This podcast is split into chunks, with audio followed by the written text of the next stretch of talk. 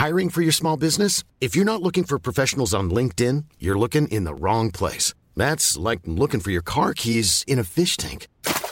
LinkedIn helps you hire professionals you can't find anywhere else, even those who aren't actively searching for a new job but might be open to the perfect role. In a given month, over 70% of LinkedIn users don't even visit other leading job sites. So start looking in the right place. With LinkedIn, you can hire professionals like a professional. Post your free job on linkedin.com slash people today.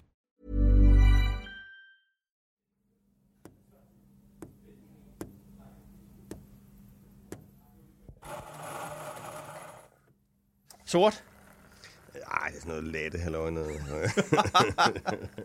Jeg har snuppet sådan en uh, vinermelange, uh, hvad det hedder, fordi i starten der var det altså mest, mest ment som vits ude på, på Twitter, men uh, okay. den smager jo godt. Uh, Erik, uh, som jeg sagde til Jakob uh, sidst, lad os få Erik med i studiet.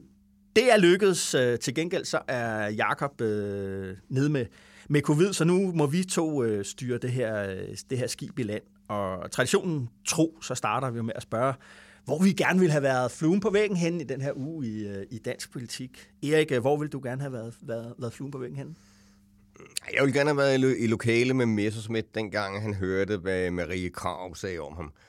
Øh, fordi øh, han har været temmelig tæt på øh, Søren Krav, altså Marie Kravs far. Ja. Øh, og så kommer øh, datter eller altså med en fuldstændig nedsabling af ham. Jeg, jeg kan I, godt I lide... Jyllandsposten, hvor hun siger, øh, han kan ikke være leder for Dansk Folkeparti. Ja, præcis. Ikke? Han, han, altså, han, alt gik i kaos, da han ledte gruppen nede i Europaparlamentet.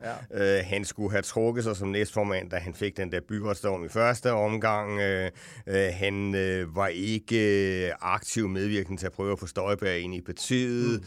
Altså, en, en kritik på en hel række forskellige punkter. Og Ja. det, det må altså have gjort temmelig ondt. Ja. Jamen, jeg har egentlig også valgt øh, at, at være hjemme hos Morten Messersmith. Øh, men det var den der, der er nyheden, på, på, der kom her i løbet af ugen i, i Ekstrabladet. Per anonyme kilder, at øh, Inger Støjberg muligvis vil starte sit eget øh, politiske parti ikke? Øh, med den der enorme popularitet, hun har i, øh, i Dansk Folkepartis bagland. Ja. Som vi jo så der ved, øh, ved, ved, ved det ordinære øh, årsmøde, der kommer jo et ekstraordinært her øh, om, om halvanden uges tid. Øh, det må også have været noget af, en, af, af et chok for ham på en eller anden måde, at kunne se frem til muligvis at skulle konkurrere med hende, ikke internt i DF, men, øh, men, men, men eksternt. Ja, helt sikkert. Og, og også en situation, hvor han måske kan få en del af skylden for, at det er gået sådan, fordi han reagerede sådan over for hende. Præcis. Ja, som, øh, som man også kan høre, øh, så er der faktisk kun øh, et øh, punkt på dagsordenen i dag for, for DK Pol, nemlig Dansk Folkeparti. Erik, er du med på den? Den kører med. Vi kører.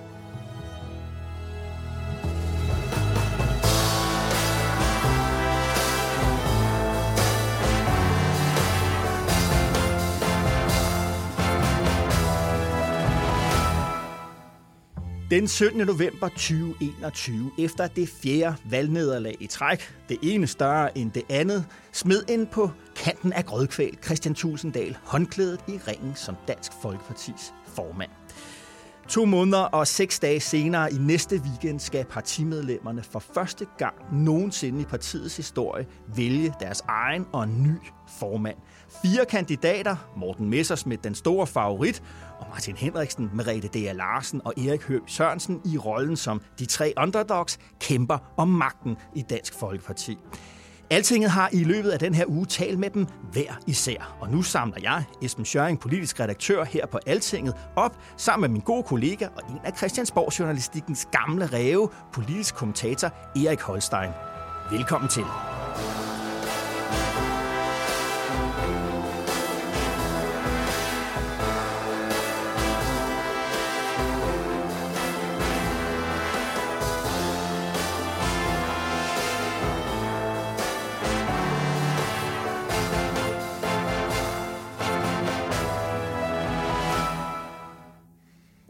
Erik, er der nogen mulig verden, hvor formanden for Dansk Folkeparti efter den 23.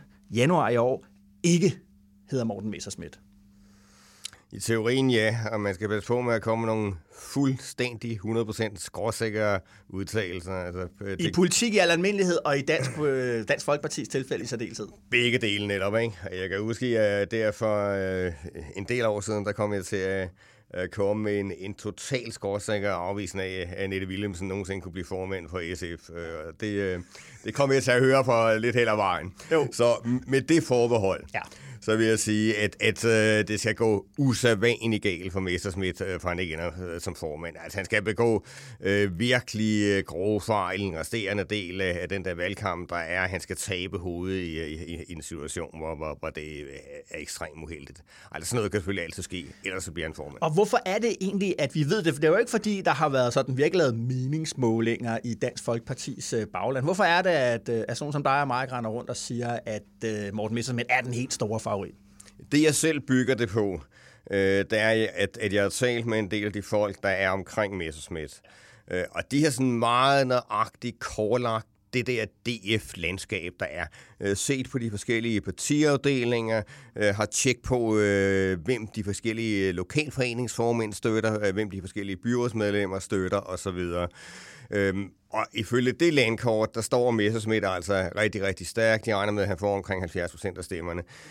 Og så kan man dertil lægge, hvis man kigger på den anden side, at altså de folk, der øh, absolut ikke ønsker Messersmith som formand, de forventer også, at han bliver valgt. De forventer måske ikke, at han får 70 procent, men øh, en lidt lavere procentdel, men trods alt, at det ender på den måde. Og det gælder jo i virkeligheden også, nu sagde det der med, at vi har talt med, med de andre formandskandidater, øh, altså Erik Høgh Sørensen og Martin Henriksen, når man sådan spørger dem, vinder du, mm. så er det jo ikke, fordi de siger, ja, jeg tror faktisk, jeg har en god chance, eller, eller andet. De, de er jo meget bevidste om den der underdog-rolle, siger begge to, ah, det bliver nok lidt svært og sådan noget. Det er ikke den store sådan, uh, selvtillid, der strutter ud af, ud af dem på det plan. Det er helt rigtigt. Øh, og derfor kan man også sige, at, at øh, det, at man er udråbt til favorit på den måde, øh, som Messerschmidt er, øh, det betyder også, at, at, at det, man jo så meget vil kigge på, det er jo også størrelsen af hans sejr. Altså, får han øh, 60-70 procent eller øh, endnu mere i, i første valgrunde? Der. Ja, måske skal vi lige sige det. Det er jo sådan, at man skal have over 50 procent af stemmerne, før man kan kalde sig formand.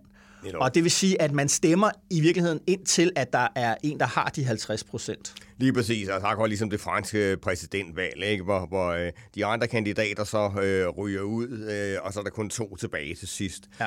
Og, og der vil jeg sige, altså, der betyder altså rigtig meget for den prestige, uh, Messerschmidt går ind i, i et formandskab med, uh, hvor mange stemmer han får i første omgang. Altså, skal han ud i en anden valgrunde, altså, så vil jeg mene, så svækker det ham altså ret kraftigt ja. fra starten af. Ikke? Så, så er det så, det, der bliver historien? Ja, det gør det lige præcis. Så, så vil historien uh, være, jamen altså, de fleste af DF's delegerede, de ønskede ikke Messerschmidt som formand. Ja, præcis. Det er det helt store spørgsmål. Ja, ja okay.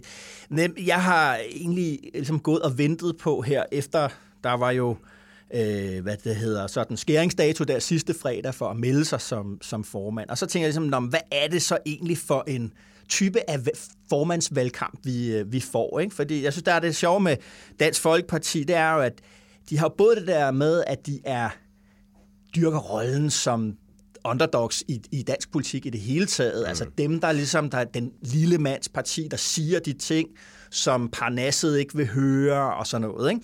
Og, og, og på den anden side, så er der den der indertid også den der glæde ved autoritet og den stærke leder, og altså mm. øh, øh, dansk folk, i gamle dage, der var det sådan, hvis man talte om topstyring i dansk politik, så var, var politikerne sådan, det har vi sørget med ikke her, og medlemmerne betyder alt, fordi man har demokratiet som en ideal. Men der har Dansk mm. Folkeparti jo været klar fra starten. Ja, vi har topstyring, og, og Pia Kærsgaard, der, du ved, som stiftede partiet, og, og, og var leder der de første mange, mange år.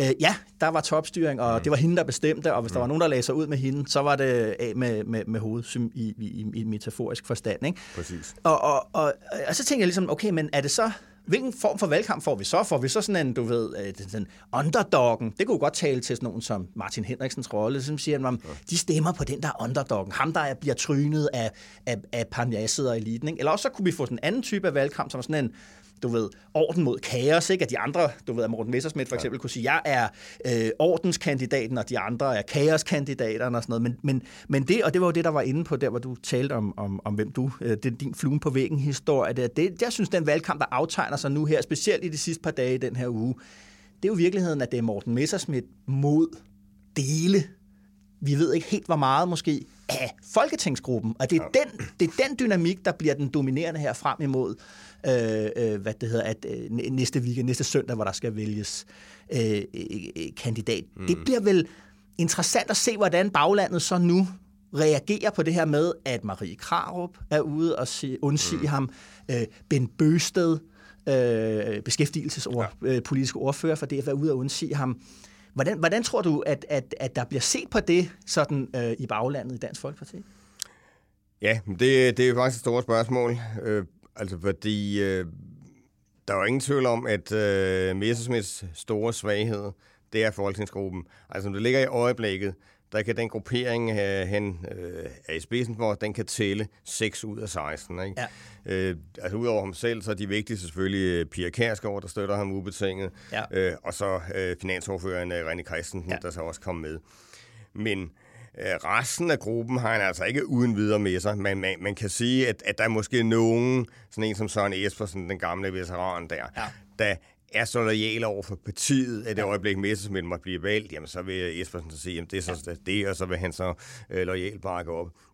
Men man kan bare godt komme i en situation, hvor Messersmith bliver valgt som formand øh, på årsmødet, og han så stadigvæk er i mindretal i folketingsgruppen. Ja. Og man skal jo være helt klar over, at, at selvom øh, Christian Thulesen Dahl officielt har valgt at holde sig ude af, af valgkampen, hvad der er rigtig klogt af ham, tror jeg, øh, jamen så, altså, man kan være helt sikker på, at, at hvis der er nogen, han ikke stemmer på, ja. så er det Morten Messerschmidt. Og altså, det gælder vel også hans øh, øh, bror, politiske bror, Peter Skårup? Jeg er lidt mere i tvivl omkring Skåb, fordi Skåb er øh, sådan meget pragmatisk og... Øh, men øh, jeg tror også, at, at i første omgang i hvert fald, altså så længe afstemningen er hemmelig og så videre, så tror jeg heller ikke, at Skåbs øh, stemme vil falde til Messerschmidt. Jeg tror dog, Skåb øh, lidt ligesom øh, Søren Espersen, altså mm. sådan, være, være ret pragmatisk, når realiteterne først er... er øh, Men der er vi jo nødt til, når vi taler om de to øh, både Christian Tulsendal og, og især Peter Skåb, så var det jo deres vidneudsagn. I hvert fald sådan som... Øh, ja Øh, det blev genfortalt i pressen i den sag, der er om EU-fusk og dokumentfald, som Morten mm. Messersmith først blev dømt for, og så sidenhen er den sag så blevet sendt tilbage til byretten på grund af inhabilitet øh, hos, hos den dommer, der, der, der forestod sagen. Men, men det var jo deres vidneudsagn, der sådan for alvor øh, flyttede noget, øh, var, var indtrykket. Ikke? Altså at Peter Skårup som arrangør for den der konference, hvor de der midler skulle være blevet brugt, stiller sig op og siger, Jamen, jeg havde ikke noget, der har ikke været nogen EU-konference, som Morten Messersmith har, øh, har skulle få penge til. Ja, det er jo en helt vild situation, øh, hvis Morten Messersmith så bliver formand ja. og har både Tulsendal og Skårup i Folketingsgruppen. De skal jo mødes igen i en retssag her ja, ja. om, øh, ja, det ved vi så ikke helt, hvornår det præcis bliver, men senere i år. Det er helt rigtigt, og, og der er ingen tvivl om, Messerschmidt, han, han følte, at, at Skåb og, og Tulsen, de uh, sad benene væk uh, ja. på ham i, i den der retssag der. Det, det er helt klart. Og, og, uh, og selvom at uh, han uh, sådan efterfølgende sagde, at den diskussion tager vi uh, internt, uh, så har det jo også uh, i høj grad ført til yderligere ondt blod imellem dem. Så, så det bliver jo en, en rigtig, rigtig tricky situation, at, at de to personer, der altså har tegnet, været med til at tegne partiet siden starten, ja. øh, og altså de sidste... Øh, ja, 8-9 år, ikke? Øh, hvor, hvor, ja, snart 10 år faktisk, hvor, hvor Thulesen så sidder som formand, har været helt øh, i spidsen for partiet. Øh, ja, dem skal med så øh, forsøge at øh, etablere et eller andet øh, fornuftigt forhold til. Øh, om det kan lade sig gøre, øh, specielt i forhold til Thulesen, det tvivler jeg faktisk noget på. Ja. Som sagt, så har vi været de her fire kandidater igennem i vores daglige øh, podcast, den her uddannelse, der hedder Azure. Øh, og DF-medlemmer, de skal jo ikke ligesom bare vælge en formand, men ved at vælge en formand, så skal de også ligesom vælge, hvad det er for type af parti, de skal være i, i fremtiden, og, og, og hvad det er, de skal vælge i, imellem der. Lad os, lad, os, lad os lige tage kandidaterne en for en. Øh, jeg har valgt øh, et, øh, et, et prægnant citat ud fra dem hver fra, fra, fra den her uge. Vi starter med øh, Martin Henriksen. Prøv at høre her. Det her. Jeg føler mig overbevist om, at, altså, at at danskerne vil gerne have, at der er et parti, som siger tingene lige ud. Også et parti, som siger de ting, som folk ikke synes er behagelige at høre. Der var jo sådan en gang, hvor at, øh, når dansk, vi, vi, vi brystede og sagde Dansk Folkeparti, at vi var sådan et parti, vi sagde den sandhed, som andre ikke kunne lide at høre. Mm. Og, men vi sagde, fordi det var nødvendigt. Og nu er vi lidt blevet til et parti, som ingen, ikke rigtig kan tåle, at folk siger sandheden om os. Ja, det er Martin Henriksen, der siger det der med, at vi var engang partiet, der sagde den sandhed, folk ikke vil høre. Og det har han jo slået på i et stykke tid, at Dansk mm. Folkeparti skulle finde frem eller tilbage til den der position af at være kontroversielle. Ja. Og det var det, der udløste på, på, på årsmødet der, da han bliver valgt til hovedbestyrelsen selv, efter at man virkelig har prøvet at få ham ud fra partiledelsens mm. side. Martin Henriksen er gammel folketingsmedlem for DF, røg ud i 19, blev ansat som konsulent, fyret igen for illoyalitet. Men der er det der kendte billede, der ligesom alle vil huske det der årsmøde for, hvor Pia Kærsgaard sidder og, og vifter med en nedadvendt trommeltot. Prøv lige at sige, hvad er det for et parti, der ville komme, hvis det var Martin Henriksen, der blev, der blev formand? Jamen, så vil det være et parti, hvor øh, DF forsøgte at, overgå øh, nye borgerlige i øh, islamkritiske øh, bemærkninger. Ikke? Ja. Altså, man vil simpelthen øh, komme moms på, hver eneste gang Pernille Vermund var ude og sige et eller andet, som ja. folk synes var Pernille Vermund plus en. Ja, ja øh, mindst. Ikke? Jo. Og øh, der er ingen tvivl om, Martin Henriksen er er blevet mere yderliggående, efter han røg ud af Folketinget der i 2019. Han har altid været hardliner, men den har altså fået en spænd kul mere. Det har været hans rolle i partiet at være den hardliner. Ja, men det er jo også, også noget, han har ment, men, men, men altså, den, altså, han siger altså nogle ting nu, som jeg ikke har hørt ham sige tidligere så selv. Ikke? Altså, det, det han sådan har været, altså, de, de mest øh, ekstreme eksempler, der har været øh, her i løbet af det sidste halve år, det var jo dels øh, der, hvor han øh, far i flæsket på Mette Frederiksen, fordi hun øh, lader sig vaccinere mod øh, covid af en øh, kvinde med tørklæde. Ikke? Ja. Der siger han, der ser vi igen, Mette Frederiksen benytter en hver lejlighed til at gøre reklame for islam. Ikke? Ja. Og det, det er der nok ikke så mange andre, der lige tolker den episode som, vel? Heller ikke internt i DF, hvor det jo netop fik uh, Morten Messersmiths kompagnon Peter Kofod til at jo at feje offentligt jo i flæsket på Martin Henriksen. Ja, fordi man, altså, de frygter jo, at man latterliggør DF på den måde, at man okay. støder alt for mange vælgere fra sig på, på den konto.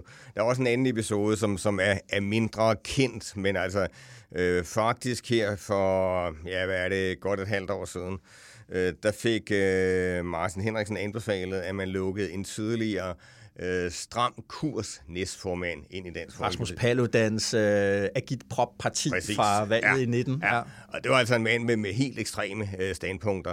Og, og efter et par dage, der, der blev han så lempet ud af partiet igen, fordi mm. det simpelthen var for pinligt. Men det synes jeg, der også viser, at Martin Henriksen, han har ikke sådan rigtig en blokering over for det yderste højre. Det er ellers det, der har kendetegnet DF lige fra starten af, at man i modsætning til Sverigesdemokraterne, der jo havde den der sådan halvbrune fortid, og, og, og også den grund har været lette at demonisere, mm. så DF øh, allerede efter de første to-tre år, der, der, der begyndte man at ekskludere folk, der var decideret højre ekstremister, havde halvfascistiske synspunkter osv. osv. Ja.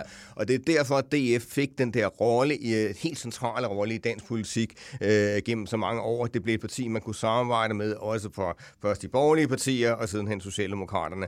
Og der kan man godt frygte, synes jeg, fra DF's side, at, øh, at, at Martin Henriksen vil føre DF et sted hen, hvor det bliver meget let bare at passere øh, helt på sidelinjen. Ja. Og man kan jo også se, at, at, selv sådan en som Marie, Krav, der jo altså netop bakker op om Martin Henriksen som formand, som du siger, mm. hun har jo reservationer over for ham netop på det her område. Ja. Hun siger, at, at ja, hun vil helst have Martin Henriksen som formand, fordi hun synes, han er en mere okay fyr end Messerschmidt, men rent politisk, der er det altså et problem, at han kommer med den slags udtalelser. Men det, jeg synes, der er interessant med Martin Henriksen, øh, det er jo det der spørgsmål om netop det der med, hvad er det, Dansk Folkeparti er for et parti. Da partiet bliver stiftet der i 95, der siger Pia Kærsgaard jo, at det eksplicit er for at blive et, et, et, et almindeligt anerkendt parti i Danmark mm. på lige fod med andre, der deltager i forlig og i aftaler, og, og, og, og det hedder jo også internt i DF, det der, man havde ønske om på en eller anden måde, at det, man kaldte pæne mennesker, i, uh, i anførselstegn, de skulle også kunne stemme på, mm. på DF. Det skulle Præcis. være socialt acceptabelt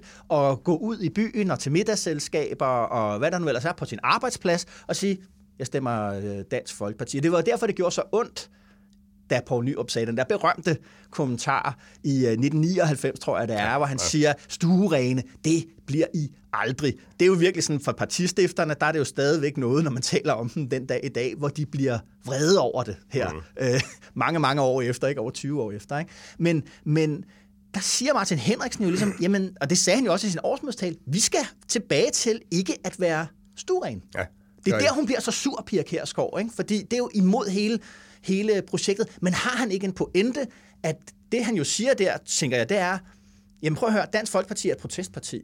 Og det der med, at vi, at vi er blevet pæne og, og velfriseret, så er vi ikke et protestparti mere, og når vi ikke er et protestparti mere, så havner vi i den krise, vi er havnet i. Vi skal tilbage og være et protestparti. Det er det, han siger. Ja, det er det. Øh, men jeg, altså, jeg deler ikke analysen. Altså, jeg, jeg, jeg mener faktisk, at, øh, at den der politiske platform, som DF øh, fik under Thulesen, og den der blanding af, af sådan noget, en halvsocialdemokratisk økonomisk politik, mm. øh, øh, også en sådan ret blød socialpolitik og så videre, ikke? Ja. kombineret med, med, med en hård udlændingepolitik. Jeg mener faktisk, at det er noget, der fagner rigtig, rigtig bredt. Altså, så er det jo indlysende, at DF er kommet i en, i en enorm krise af dels nogle strukturelle grunde, ikke? nemlig at, at, at, at Socialdemokraterne har et størstedelen af deres politik, mm. Pernille Vermund på den anden side, og så en helt stribe håndteringsfejl øh, lige før sidste valg, som mm. jeg altså gjorde, at, at det endte en katastrofe. Men jeg synes, man skal passe på med at konkludere, at fordi der er andre, der har taget øh, vores politik øh, nu ligger samme sted, hvor, hvor vi hele tiden har gjort, øh, og, og, og vælgerne derfor ikke sådan kommer naturligt til os, som de gjorde tidligere, jamen så skal vi nødvendigvis skærpe profilen. Mm. Altså, det, det, altså jeg, jeg, jeg tror, at DF vil, vil ende som en meget, meget lille parti, øh, hvis der er, man, man øh, kører ud i ekstremen. Mm. Øh, og, og, det er jo rigtigt, hvad du siger, at Pia Kærsgaard blev sådan virkelig fløj forbandet over Martin Henriksen på øh, det der årsmøde. Dels fordi det var opgør med hendes strategi, men selvfølgelig også fordi, at hun, hun helt konkret havde haft rollen som udlændingeordfører. Mm. Og det må selvfølgelig også være en ret underlig øh, oplevelse for, for Pia Kærsgaard, at, at, at, at sådan ligesom beskyldt for at være alt for blød på udlændingeområdet. Men det, at han bliver valgt Martin Henriksen, den der scene, synes jeg, hvor hun vender tommelfingeren ja. nedad for det årsmøde, er jo interessant, fordi hun har mig både inden og under signaleret, at Martin Henriksen skal ikke ind i hovedbestyrelsen. Mm. Han siger det der, og hun er meget tydelig, sidder der og vender tommelfingeren nedad. Men rundt om hende, der rejser folk sig op og klapper. Så spørgsmålet er, om DF-vælgerne siger, jamen, at de nemlig har, de kan godt lide, øh, og måske identificere sig med medlemmerne, undskyld, øh, øh, det her med, ja, vi skal være dem, der provokerer. Det mm. ser vi jo også i andre øh, lande. Noget, attraktionsværdien ved sådan en som Donald Trump eller Boris Johnson, det har jo netop været det der med, at man provokerede folk. Der var sådan blevet lavet sådan nogle t-shirt, kan jeg huske, hvor der står sådan noget, du ved, du, du er ikke ærlig eller autentisk, hvis du ikke, øh, hvad det hedder, krænker andre, tror jeg, der står, ikke? Hmm. Altså, det er vel en, det har jo også været noget, det F'erne jo har brugt strategisk, altså det har, har, har de jo været meget bevidste om, provokationen som, som værktøj, tror jeg nok, der har heddet i, i partiet. Man har jo selv haft de der, så indrykker man en kampagne med Osama Bin Laden, hmm. øh, altså den gamle Al-Qaida-chef, chef der, øh, hvor siger, ham her, han kan få, øh, altså han opfylder reglerne for at få mm. opholdstilladelse i Danmark. Det var jo en måde at provokere på. Ja, det er rigtigt, men, men altså, hvis du tager den der konkret, altså, synes jeg, altså, det, det var jo en god provokation. Altså, fordi de satte faktisk fingeren ned på mm. et øm punkt. Det var jo ikke forkert, der stod i annoncen. Folk blev meget ophidset over det, og så videre, og så videre. Ja. Men, men, øh, men, men der, var, der var en klar pointe, og, og, og, og der er der ret i, det, det kørte DF rigtig godt, både øh, da Søren Espersen var, var pressechef, og under øh, senere øh, øh, pressechef Søren Søndergaard, der var ja. en mester i den slags. Ja. Men det var sådan meget målrettet, øh, velgennemtænkte provokationer. Mm. Og der er forskel på provokationer af den karakter, og så begynder jeg at sige, at, at uh, netop Mette Frederiksen laver reklame for islam, fordi mm. hun bliver øh, vaccineret. Af, Men han har vel ret i den forstand, at efter at Christian Tulsendal bliver formand i 2012, der forsvinder det der element af provokation.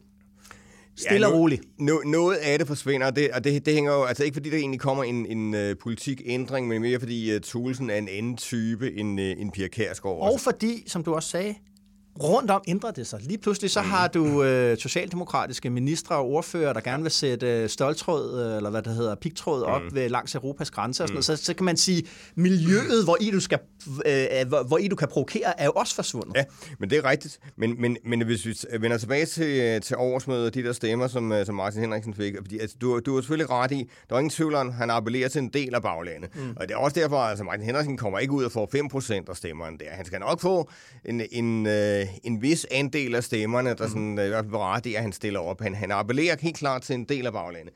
Men øh, man skal altså være opmærksom på, at, at de der sådan, øh, cirka 300 stemmer, Martin Henriksen fik ved års møde, der var 100 af de stemmer, det var på, på Martin Henriksen, og så hans øh, kompagnon på et eller andet plan, Erik Høgh Sørensen, der jo også stiller op som formand. Ja, han kommer altså, lige om lidt. Han kommer vi se, ja. Ikke? øh, og, Og dem, der stemte på de to, kombinationen af de to, det har selvfølgelig været rene højrefløjstemmer, der altså rent politisk også bakker op om, om Martin Henriksens budskab. Men man skal altså være opmærksom på, at Thulesen og folk omkring ham, de stemte altså også for Martin Henriksen ved det der årsmøde. Mm-hmm. Og det var af helt andre grunde. Det var ikke fordi, de, de øh, støttede hans politiske budskab. Det var sådan af taktiske grunde, fordi Martin Henriksen på det tidspunkt stadig var lojal over for Thulesen som formand, ja. og det var vigtigt for Thulesen at få et flertal i hovedbestyrelsen, der stadig bakkede ham op som formand. Og derfor er Martin Henriksens mm. sejr ved øh, mm. det der årsmøde, øh, den er også til en vis grad blevet overfortolket. Ja, okay. Jamen, så lad os uh, gå videre til uh, ham, du nævnte her uh, lige før, nemlig uh, den nordjyske kandidat, Erik Høgh uh, Sørensen. Han kommer her. Må, må jeg indskyde noget her også? Fordi jeg, jeg går faktisk op i klimapolitik også i den forstand, at jeg ser os hverken som klimatosser uh-huh. eller klimafornægtere. Uh, uh-huh. Og jeg tror, vi har en rolle at spille i klimapolitikken fremadrettet, fordi igen tror jeg, at der er nogle politikere på midten af det danske såkaldte politiske, øh, den, den såkaldte politiske midte i Danmark, som har oversolgt klimadagsordenen, som ikke kan levere de øh, 70 procent i 2030, og ikke kommer til det, medmindre vi får en voldsom velfærdsnedgang. Og der tror jeg, at vi som klimarealister har en rolle, Øh, det tror jeg, vælgerne vil feste lid til. Igen. Øh, jeg har valgt det her øh, øh, klip, øh, hvor han taler om, om, øh, om Dansk Folkepartis forhold til klimapolitik, og det er noget, han vil, vil tale om. Men jeg synes, vi skal skynde os at sige, at Martin Henriksen og Høre Sørensen er i overvejende grad, for også du lader ham mm. sagde politisk enige. Det, ja. Der skal man have en relativt stor lup frem for at finde øh, forskellene. De er begge to ud af EU, de er begge to øh, skærpe udlændingepolitikken, etc. Ikke? Øh, men han nævner øh, specifikt, øh, øh, at siger, at vi skal have en anden position på, på, på, på klimapolitik. Mm. Og der er Dansk Folkeparti har jo også chanceret her, øh, mens klima ligesom på en eller anden måde blev, blev det helt mm. nye øh, politiske emne i, i, i dansk politik, så har man har været en periode, hvor man har været øh, jeg tror det han kalder klimafornægter, der er den der mm. berømte kommentar fra EP-valget der øh, 2019, mm. hvor Pia Kjærsgaard taler om klimatosser. Ja. Øh, Morten Messersmith har øh, indtaget forskellige positioner, men man er jo med i dag på det her 70% øh, øh, målsætning om reduktion af, af, af klimakasser frem mod 2030. Men her der skal vi have en, en, en anden position, og der tænkte jeg ligesom, okay, lad os lige tale om Erik, Hør, øh, Erik Høgh Sørensen det er vel egentlig meget godt set at sige, at øh, hvis vi skal igen det der med, at vi skal finde frem til en protestrolle, øh, at skabe kant, som vi siger inde på Christiansborg, ja. i forhold til så er det måske at melde sig ud af den store 70% konsensus.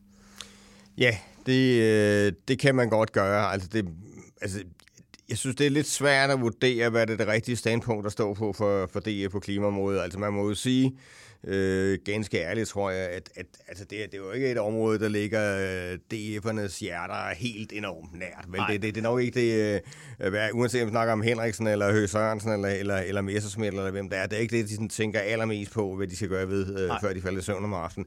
Og, og øh, du har fuldstændig ret i, at Messersmith øh, netop har indtaget forskellige standpunkter på det, så, så det er også sådan en del, øh, der er en del oppositionisme i det. Men når det så er sagt, så kan man jo godt øh, følge Høgh Sørensen så meget, at, at øh, der kunne jo være en position, hvor man øh, samler noget af den modstand op, der kommer mod de der brede klimaaftaler. Ikke? Fordi øh, på et eller andet tidspunkt, der, der begynder det jo også at gøre ondt på, øh, på nogle folk. Ikke? Helt almindelige borgere. Ja, helt almindelige. Og, og, og selvom potentialet for, for gule veste nok ikke er på samme måde i Danmark, så, så øh, der vil være en, en pool af vælgere, der siger, nej, nu bliver den altså lige strammet en gang for meget, hvor vi skal have afgift på flybilletter, eller hvad vi nu skal. Ikke? Jo. Øhm, så det, det, det kan man godt. Men altså, ud over det, så er jeg helt enig i øh, det, du øh, sagde også, at øh, altså, altså, man skal virkelig have et, øh, altså, ikke alene en lup, men altså nærmest øh, Mikroskop. Ja, ja, det, er, helt, det er helt vildt, ikke? Altså, altså, Mellem ham, Erik Hør Sørensen ja, og Martin Henriksen. Ja, ja altså, det, det, altså det, det bliver altså nogle meget konstruerede mm. øh, Men det lægger de jo heller ikke skjul på, egentlig. Nej,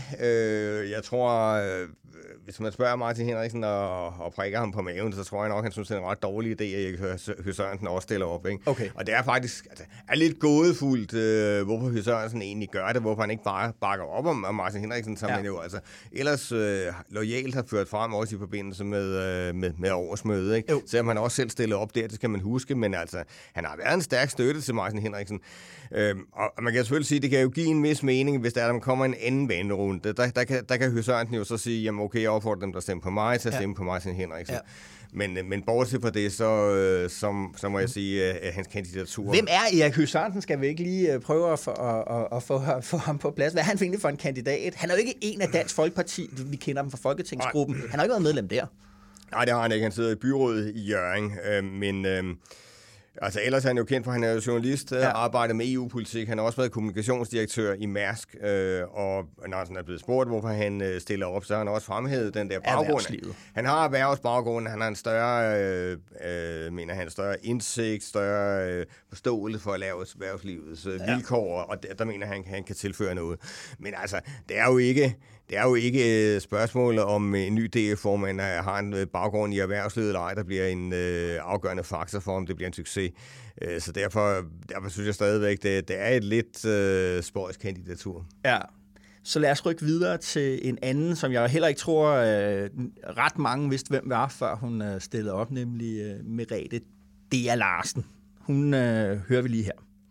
Så det betyder også ikke nødvendigvis, at det første, du kommer til at fokusere på, er at få Danmark ud af EU? Det bliver ikke det første, jeg kommer til at fokusere på. Det betyder ikke, at der ikke kan komme en tid, hvor det er det rigtige at gøre. Men, men her nu mener jeg faktisk, det rigtige er at arbejde på et meget, meget mindre EU, og på, at man samarbejder omkring de ting, hvor det giver mening for de enkelte lande, fordi vi skal behov bevare vores suverænitet. Grund til at valge det her, hun siger om EU, det der med, at vi skal mm. måske ikke ud af EU lige nu, det kan være en gang, men ellers gælder det om at have et fokuseret samarbejde. Af alle de kandidater, altså Messerschmidt vil også ud af EU, mm. og vil have en, altså en politik for det, der baner vej hurtigt frem mod mm. en, en dansk udmeldelse. Jeg synes, at Merete Dea, der hun siger det her, øh, det er jo, på, hvis man nu skal være realpolitisk og kigge på dan, øh, dansk politik, øh, der kommer ikke en folkeafstemning om dansk medlemskab af EU. Øh, det er der jo ikke nogen af de andre partier, der vil, være, der vil, der vil slippe løs i den, i den offentlige debat. Opbakningen til medlemskabet er jo også høj i Danmark. Hun er en anderledes kandidat end dem alle tre, synes jeg. For det første, fordi hun netop siger, at den der med, og den her, hvad skal vi sige, og hans skarp holdning på, på EU, at vi skal helt ud, det vil hun ikke gå ind på. Hun er meget mere sådan, hun har en meget mere, synes jeg, sådan uh, realpolitisk analyse af, at altså, du ved, vi skal samarbejde, og vi må, det er jo inden, også, tror hun siger om konventionerne, at du ved, at jamen, vi skal prøve at påvirke det indefra, og sådan, det er sådan langt mere sådan i tråd med, tror jeg, hvordan man, man hvad, hvad, kan sige, hvad der vil være en realpolitisk farbar vej for Dansk Folkeparti. Hvad er hun for en kandidat? Ja, altså, vi tager det med EU først, skal man selvfølgelig huske, at, at indtil for et par år siden, så var det faktisk DS officielle politik, det hun siger. Ja. Ikke? Altså det, at det, at man, man skærpede det på et tidspunkt, blandt andet fordi, at, at Messerschmidt og Søren Espersen pressede på, så skærpede man simpelthen en udmeldelse, øh, og Thulesen øh, stod så svagt på det tidspunkt, han ikke rigtig kunne øh, få pusset tilbage. Ikke? Men altså, hun, hun øh, vender tilbage til, til DF's sådan, øh, klassiske synspunkt, ikke? Ja. Altså, man har i hvert fald haft i mange år på det. Øhm, og hvordan hun er for en kandidat i øvrigt, øh, der er du ret i, at, at, at det, der kendetegner hende nok, er sådan uh, pragmatismen hele vejen igennem. Hun er den øh, mindst provokerende af dem alle sammen. Ja, det er hun. Øh, og hun er måske nok også for lidt provokerende socialt, mm. ikke? Fordi hvis siger, Martin Henriksen øh, måske giver den skale for meget, mildt sagt nogle gange, ikke? Øh, så skal DF jo også have en formand, øh, der totalt øh, kan provokere nogle gange. Ikke? Altså en situation, hvor man står i øjeblikket. Altså, men man skal have en formand, der virkelig øh, vækker opmærksomhed. Mm. Det kan man måske tvivle lidt på, om hun, øh, om hun er i stand til. Øh, og øh, så må man jo sige rent polisk, øh, der er hun den kandidat, der står nærmest den linje, som Tusinddal har ført de ja. sidste mange år.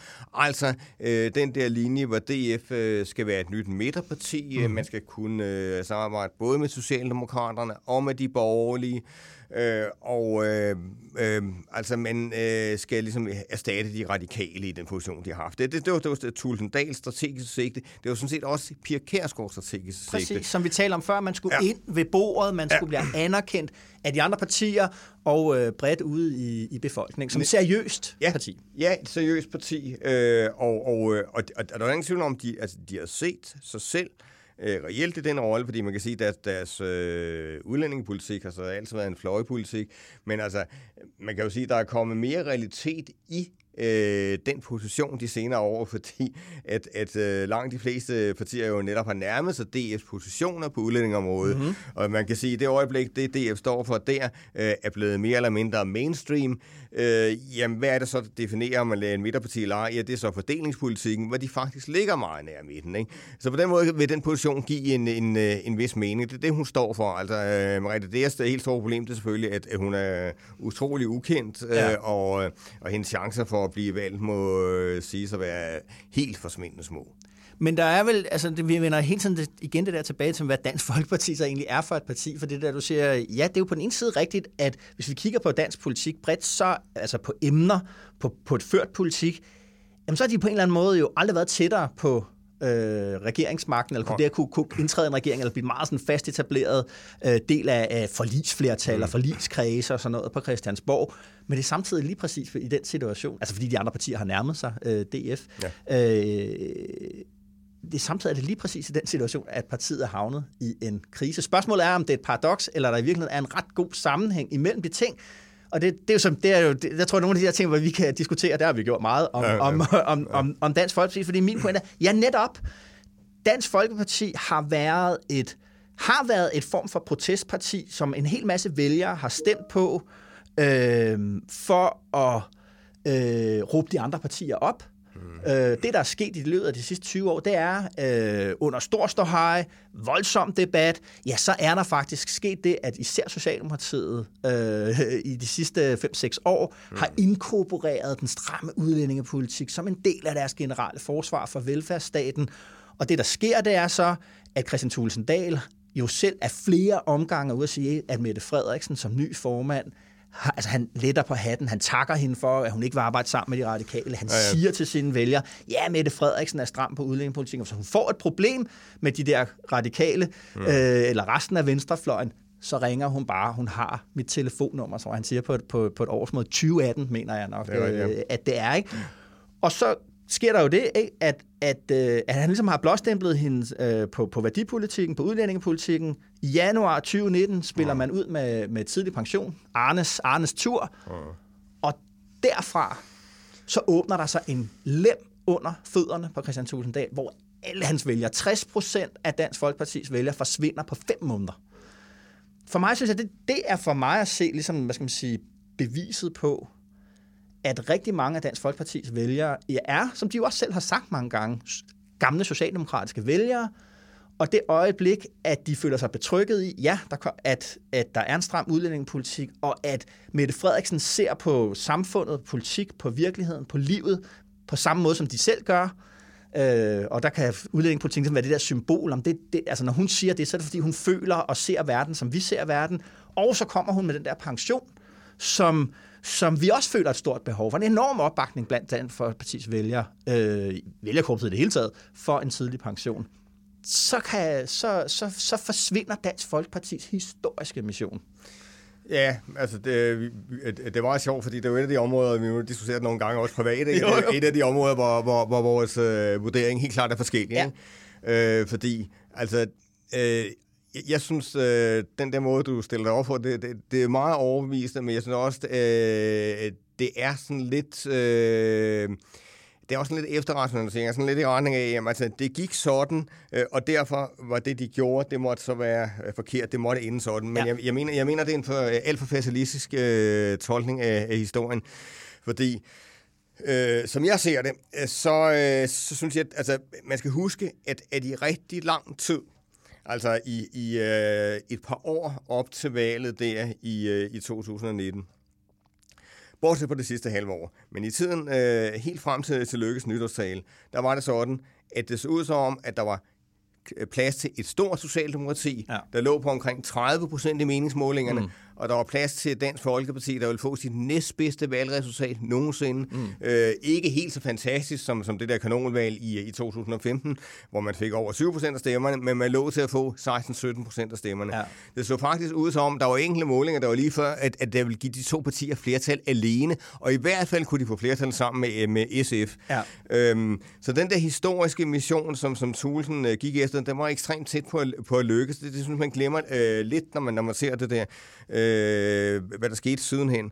Og, og som jeg ser det, øh, så, øh, så du er fuldstændig ret i, det med Arne spillede en afgørende rolle. Men, Fordi der, det skal vi skynde sige her, Christian Tulendal anede ikke, hvad han skulle gøre, da det kom ud. Nej, det, det er helt klart. Og jeg tror også, altså hvis... Øh, hvis uh, Mette Frederiksen og, og uh, Martin Rosen, der var dengang og så videre, hvis, hvis de kunne gøre tingene om, mm så tror jeg måske nok, de, de ville have orienteret øh, Tulsen om det der med, med, med Arne øh, på, et, på et klart tydeligere tidspunkt, at have fundet en eller anden fælles øh, måde at komme ind i det på, sådan ja. at, at det kunne være en del af deres samarbejde. Deres hensigt skal man huske, Socialdemokraternes hensigt. Nu bliver det en lidt lang parentes, men okay, ikke? Ja, ja, men, men det, det er det, vi må her. Ja, ja, det går. Det er en lang parentes. Men, men Socialdemokraternes øh, hensigt, det var jo lige præcis ikke, at Dansk Folkeparti skulle elimineres. Det, det var overhovedet ikke deres hensigt. Mm. De havde gerne set den nuværende socialdemokratiske ledelse havde gerne set et dansk folkeparti, der kom ud med for eksempel 15 procent af stemmerne. Meningen var bare, at de skulle vinde et par procentpoint for den, så de sådan kunne få flyttet flertal over midten, og der var, der var Arne et element i det. Men det, der så sker, var Arne er det første element øh, det er, at, at, at, at DF kommer helt forkert ind i den, som du er inde på der. Ikke? Øh, det er en katastrofe for den. Og så kommer der en stribe håndteringsfejl i, mm. i det forår. Alt går galt. Øh, de der klimatosser, vi snakker om uh, før, som kostede yderligere. Øh, så var der Radio 24 der var Kim Christiansens omfartsvej til Maria. Altså, det var et mareridt for dem, øh, det der skete der. Øh, og, og så yderligere, så kommer der det, øh, både taktisk og strategisk problem, øh, øh, geniet til Rasmus Paludan dukker op i valgkampen, øh, står og kommer med halvfascistiske og halvracistiske udtalelser øh, igennem hele valgkampen. Og det betyder, at DF's mulighed for at spille det der udlændingkort, altså de problemer frem, der stadig eksisterede, mm. øh, den forsvandt mere eller mindre, fordi øh, enhver snak om stramme, øh, stramning af udlændingepolitikken, jamen så bliver man slået i hardcore med, med Rasmus Paludan på mm. det tidspunkt. Specielt de radikale var meget effektive til at gøre det. Ja, det var en dygtig kampagne. Så, så, så, så alt i alt kan man sige, at man får altså den der berømte perfect storm for Dansk Folkeparti op til valget i 2019, og så har Lykke jo yderligere gjort det ret snedigt, at han han øh, placerer Europaparlamentsvalget øh, 10 dage før folketingsvalget, fordi ja. Lykke udmærket er klar over, at DF kommer til at gå tilbage ved Europaparlamentsvalget efter mm. alt det med Meldt og Felt, og han håber så, at de venstrevælgere, han vinder tilbage ved det valg, at de også vil stemme mm. på Venstre ved folketingsvalget. Øh, og en fuldstændig rigtig kalkulation. Så der er rigtig mange ting, der går fuldstændig galt for den øh, i den periode der. Så, så, så min pointe er mere, at ja, det gik sådan, og det var selvfølgelig fuldstændig katastrofalt, men det kunne lige så vel have fået et andet udfald, mm. øh, hvor, hvor de der strukturelle ændringer ikke havde behøvet at få den der ødelæggende men, virkning. Men spørgsmålet er jo så ligesom, vil jeg sige, hvorfor er det så, at det jo nedturen fortsætter jo? Altså, mm. jeg tror også, vi havde et videmål på et tidspunkt også to ja, om, ja. hvor hurtigt DF ville være tilbage på 10 procent. Ja. Du skylder mig faktisk stadig en flaske rødvin for det, det er ikke? Faktisk fordi, for, det, fordi du sagde, at det, det er de inden jul, og det sagde jeg, det er de ikke. Ja. Og det er de jo heller ikke kommet. Det er jo ja. gået værre. De ligger jo og, og er på 6-7 procent af, af, af stemmer, når vi, når vi måler dem i meningsmålingerne. Ja. Hvorfor er det fortsat så, hvis, hvis, kan man sige, hvis der, okay, der var perfect storm mm. og, og, mm. og tilfældighed? Altså, er der ikke noget større? Det, det, det er jo så det, jeg prøver at argumentere for. Ligesom der, netop som du siger, du kalder det fatalistisk, der er nogle strukturer der, mm. der er ændret, og som er ændret for good. Jamen, jeg, jeg benægter heller ikke, de der strukturer mm. er ændret. Selvfølgelig spiller det ind, og sådan noget. Alt andet vil være, være absurd at påstå. Det er klart, at, at, at den der sandwich, de er kommet i mellem nye borgerlige på den ene side, og Socialdemokraterne på den anden, øh, selvfølgelig gør det langt, langt sværere for den at manøvrere i øh, altså en, en, en, en den situation, hvor de havde hele området for sig selv. Så selvfølgelig har du ret i det. Øh, men altså, jeg stadigvæk mener jeg ikke, at, at, at, at man sådan bare kan sige, at, at, at så, så behøver det at gå sådan. Altså, det, der så sker efter valget, er jo også, at, at, øh, at så sker der jo altså det, som, som, som, som DF ellers har været forskånet for i størstedelen af sin tid, ikke? At, at, at partiet eksploderer i interne modsætninger og stridigheder. Ja. Pia Kærsgaard, der længe har været utilfreds med Tulen, og det handler ikke kun om, om valgkampen i, i 2019, det handler også om, at, at, at Pia jo ikke synes, det var særlig øh, fedt at blive placeret på sidelinjen. Hun havde regnet med, at hun skulle have en, en øh, rolle som en, en grå eminence efter ja. Tulen tog over. Det fik hun overhovedet ikke.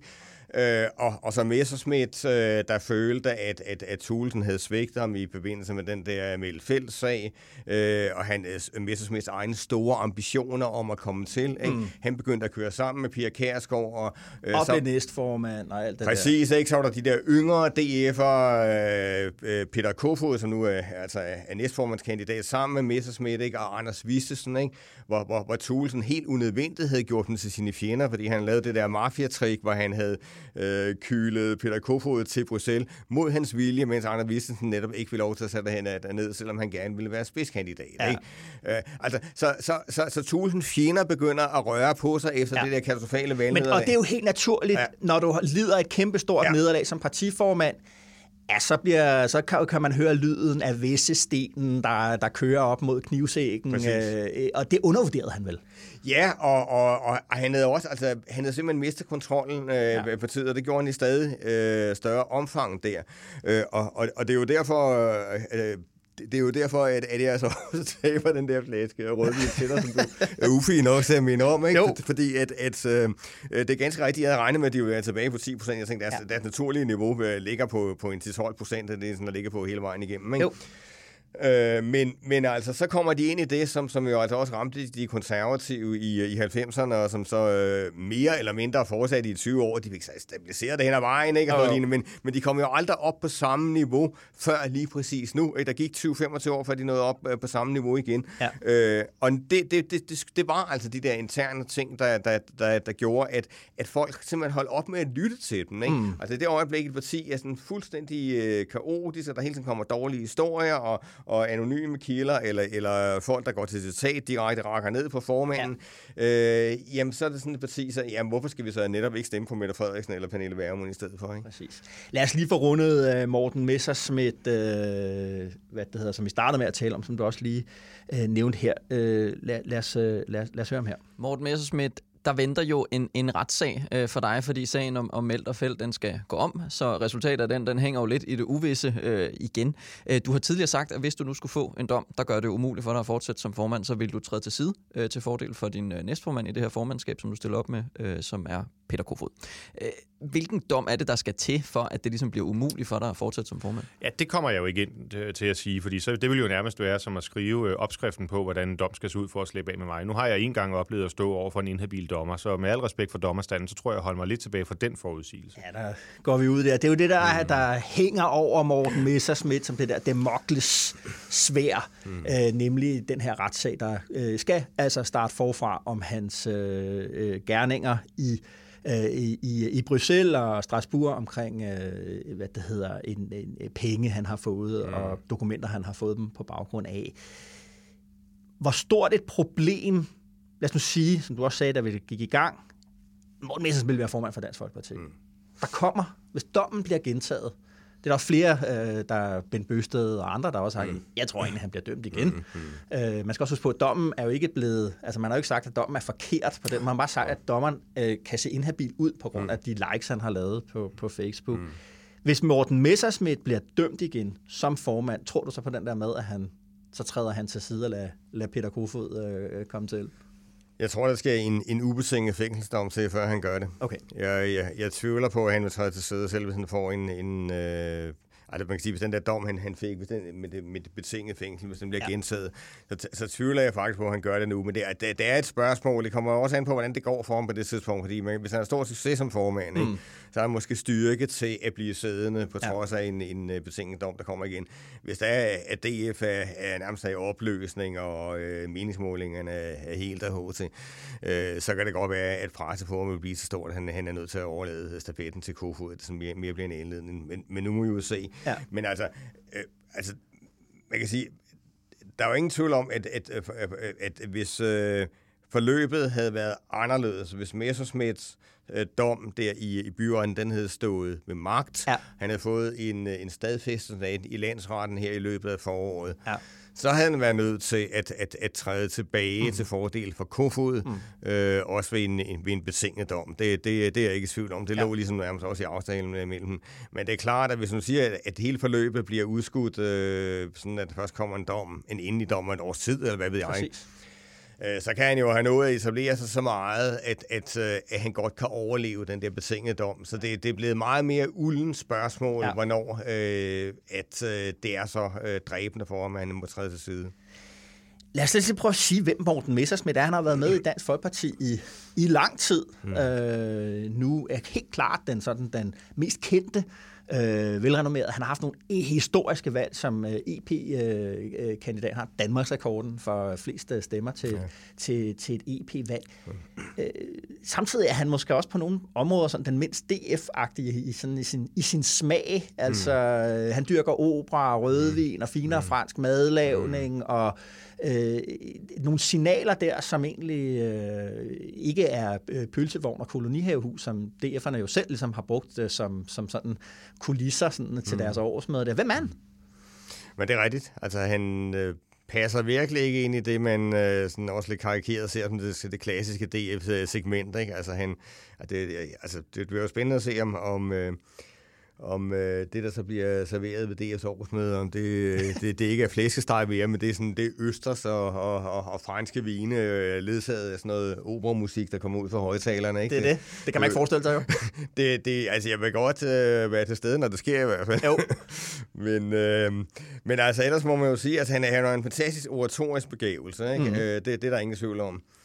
Øhm, og det er jo også det, der, der har gjort, at han, øh, han fik det der fantastiske valg til Europaparlamentet der i, øh, i 2014. Øhm, altså de, de fleste debatter kan, kan han vinde, øh, og, og, øh, og det er selvfølgelig en enorm styrke for, for, for en formand. Han, han vil jo være rigtig god i en partilederrunde også. Øhm, det, mange DF'er siger, også folk, der sådan er forholdsvis øh, positive over for Messerschmidt, er, ja. at, at han egentlig ikke er nogen særlig stor strategisk begævelse. Mm. Altså, øh, Thulesen var meget strategisk ting, ikke? Men, men det er Messerschmidt øh, faktisk ikke. Og så har Messerschmidt altså det problem, at han er rigtig god til at skabe sig fjender. Altså, mm. det, han har jo en hel kaskade af fjender i partiet. Som øhm, lige nu rasler med sablerne ja, ja, i, i pressen. Ja, ja. ja, det er det.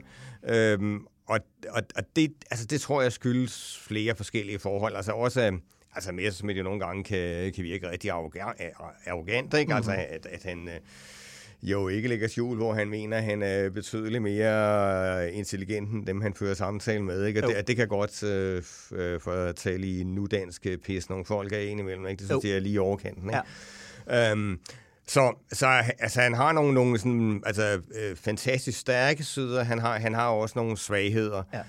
Øhm, så det, det bliver spændende at se, hvordan han i givet fald kommer til at fungere kommer, som formand. vender tilbage til det der med, med, med Marie Krav, der har været ude at undsige ham, og Ben hmm. Bøsted, der har været ude. Ikke? Så repræsenterer de jo netop ligesom to ligesom dele af, af DF. Ikke? Altså jo. Marie Krarup, øh, den nationalkonservative fløj, hvor kristendommen fylder meget, som du også sagde, Morten Messersmith jo selv har identificeret sig enormt meget med, i hvert fald på et vist tidspunkt.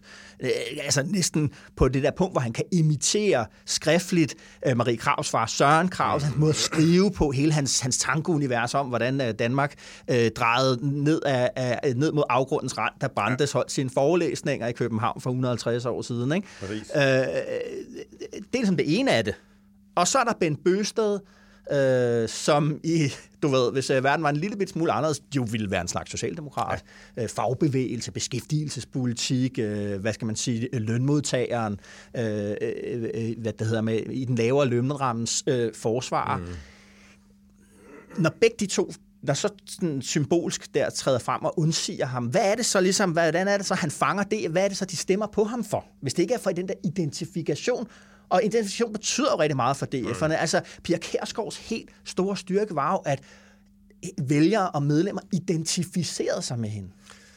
Jo, altså, det, det, der vil give Messersmiths øh, stemmer, det, det er jo, at, at, at han, altså, han skiller sig ud i det kandidatfelt som, som en, øh, man tror kan give partiet fremgang igen. Ja. Ikke? Og det, det, det er klart, at når partiet altså, er i, i en krise, som det aldrig nogensinde før har været i hele sin levetid. Ja.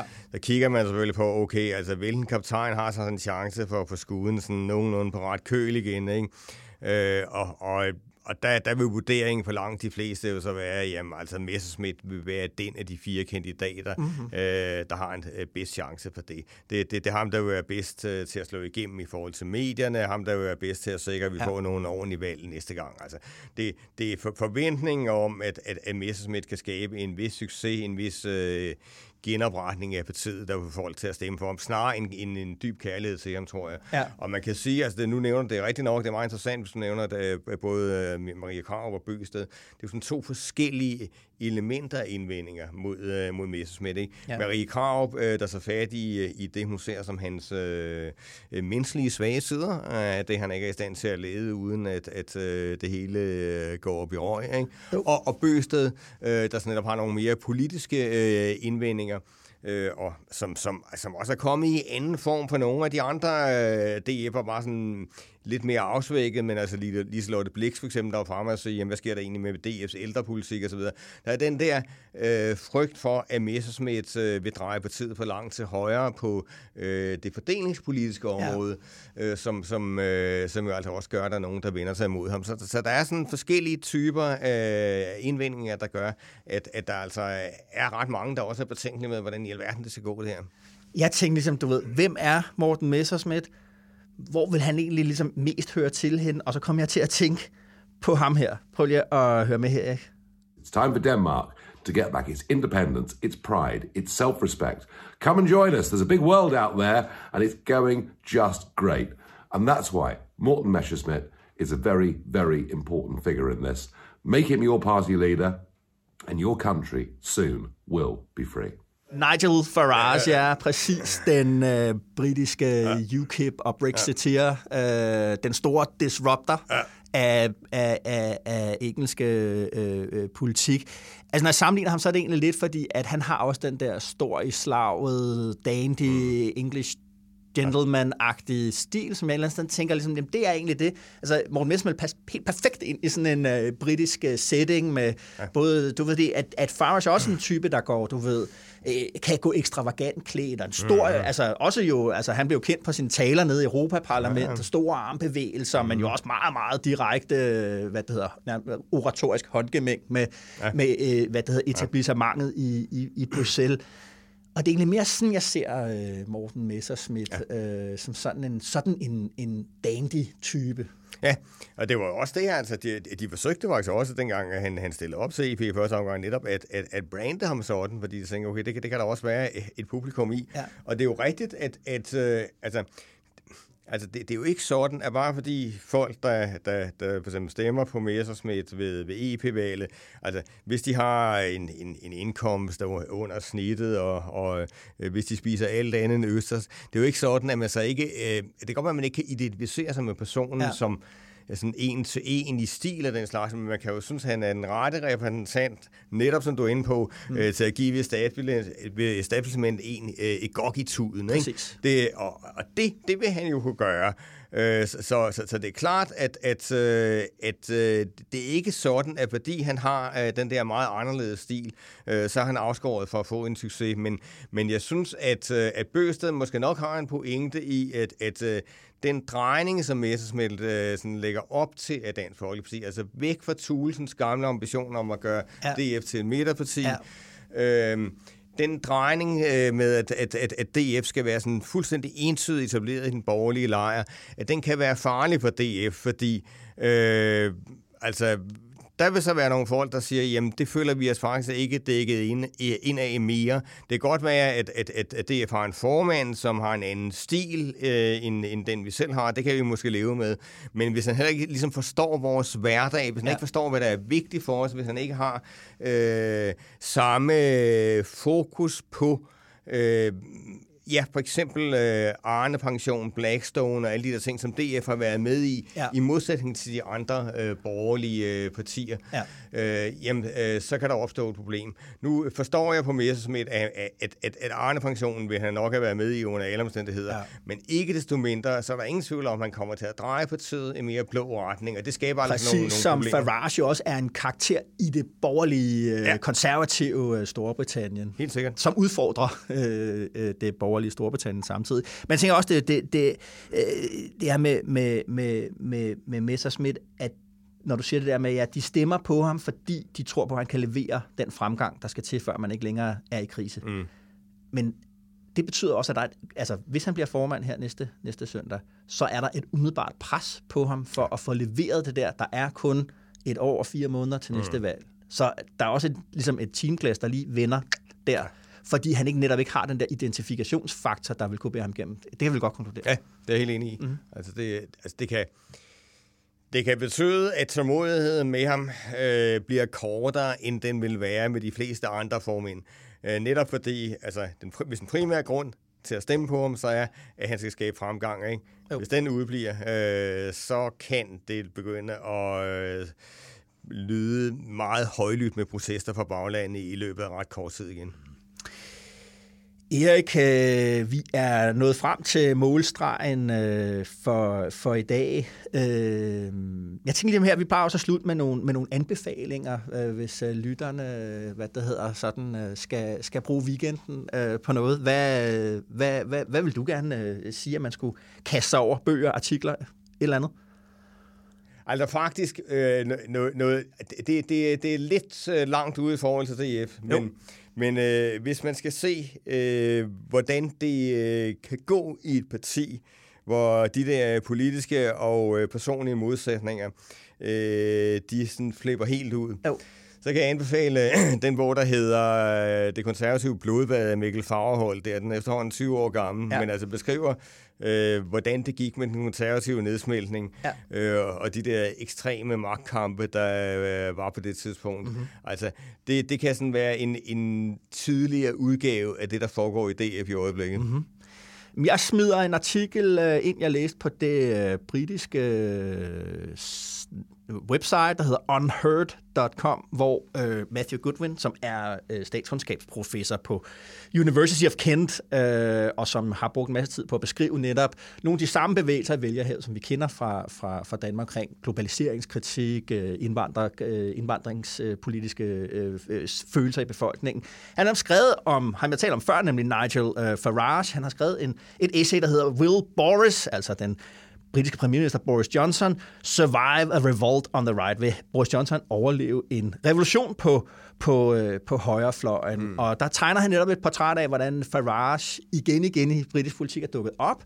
Øh, nu mindre øh, på, på Brexit, øh, altså britisk udmeldelse af EU, men netop peger på at se, at Farage er kommet igen som en proteststemme imod britisk klimapolitik. Boris Johnson taler rigtig meget om det, der hedder net zero, altså mm. også øh, nul-emissionssamfundet, øh, øh, identitetspolitik på de britiske universiteter, og selvfølgelig øh, stadig indvandringspolitik, som selvfølgelig stadig er et stort emne i, i, i britisk politik og netop beskriver, hvordan Farage er sådan en, en, en, en oprører, der er øh, højorienteret eller konservativ, men som vender oprøret mod andre øh, øh, konservative øh, øh, kræfter. Ikke? Og det, mm. den, det synes jeg er interessant at se, hvis det er det, der på en eller anden måde bliver, øh, kan blive DF's øh, sådan skæbne med øh, en, en, en formand som, øh, som Morten Messersmith. Vi ser de samme ting gøre sig gældende i amerikansk øh, politik, hvor mm Trump måske de her dage er ved at havne i en eller anden form for problem med sine egne øh, vælgere, som altså støtter mm. ham, ham skarpt. Det handler så om noget helt andet, nemlig om amerikansk forhold til covid-vaccine og sådan ja, ting. Men det her med, hvordan der sker nogle interne modsætningsforhold på, på højrefløjene i, i vestlig øh, politik. Vi ser det i fransk politik, hvor Erik Zemmour lige pludselig er ved at overtage fra Marine Le Pen, og så videre, og så videre. Det er en øh, artikel, der er øh, virkelig, virkelig øh, interessant, og den lægger vi selvfølgelig op i, i show notes, også med reference til, til, til den bog, du anbefalede, øh, Erik. Det var det. Erik, tror du, jeg kan lokke dig med i øh, DK Pol en gang til fremtiden? Ja, det, det går nok. Hvis du ikke øh, minder alt for meget om tabte vedmål, så stiller jeg sgu gerne op. yes. Øh, næste uge kommer vi i hvert fald øh, til at tale om, om øh, Lars Løkke Rasmussen, som præsenterer mm. sit parti officielt officielt på, øh, på, på, på søndag. Alright, Erik Holstein, Altingets politiske analytiker. Tak fordi du var med, og god weekend. Så tak.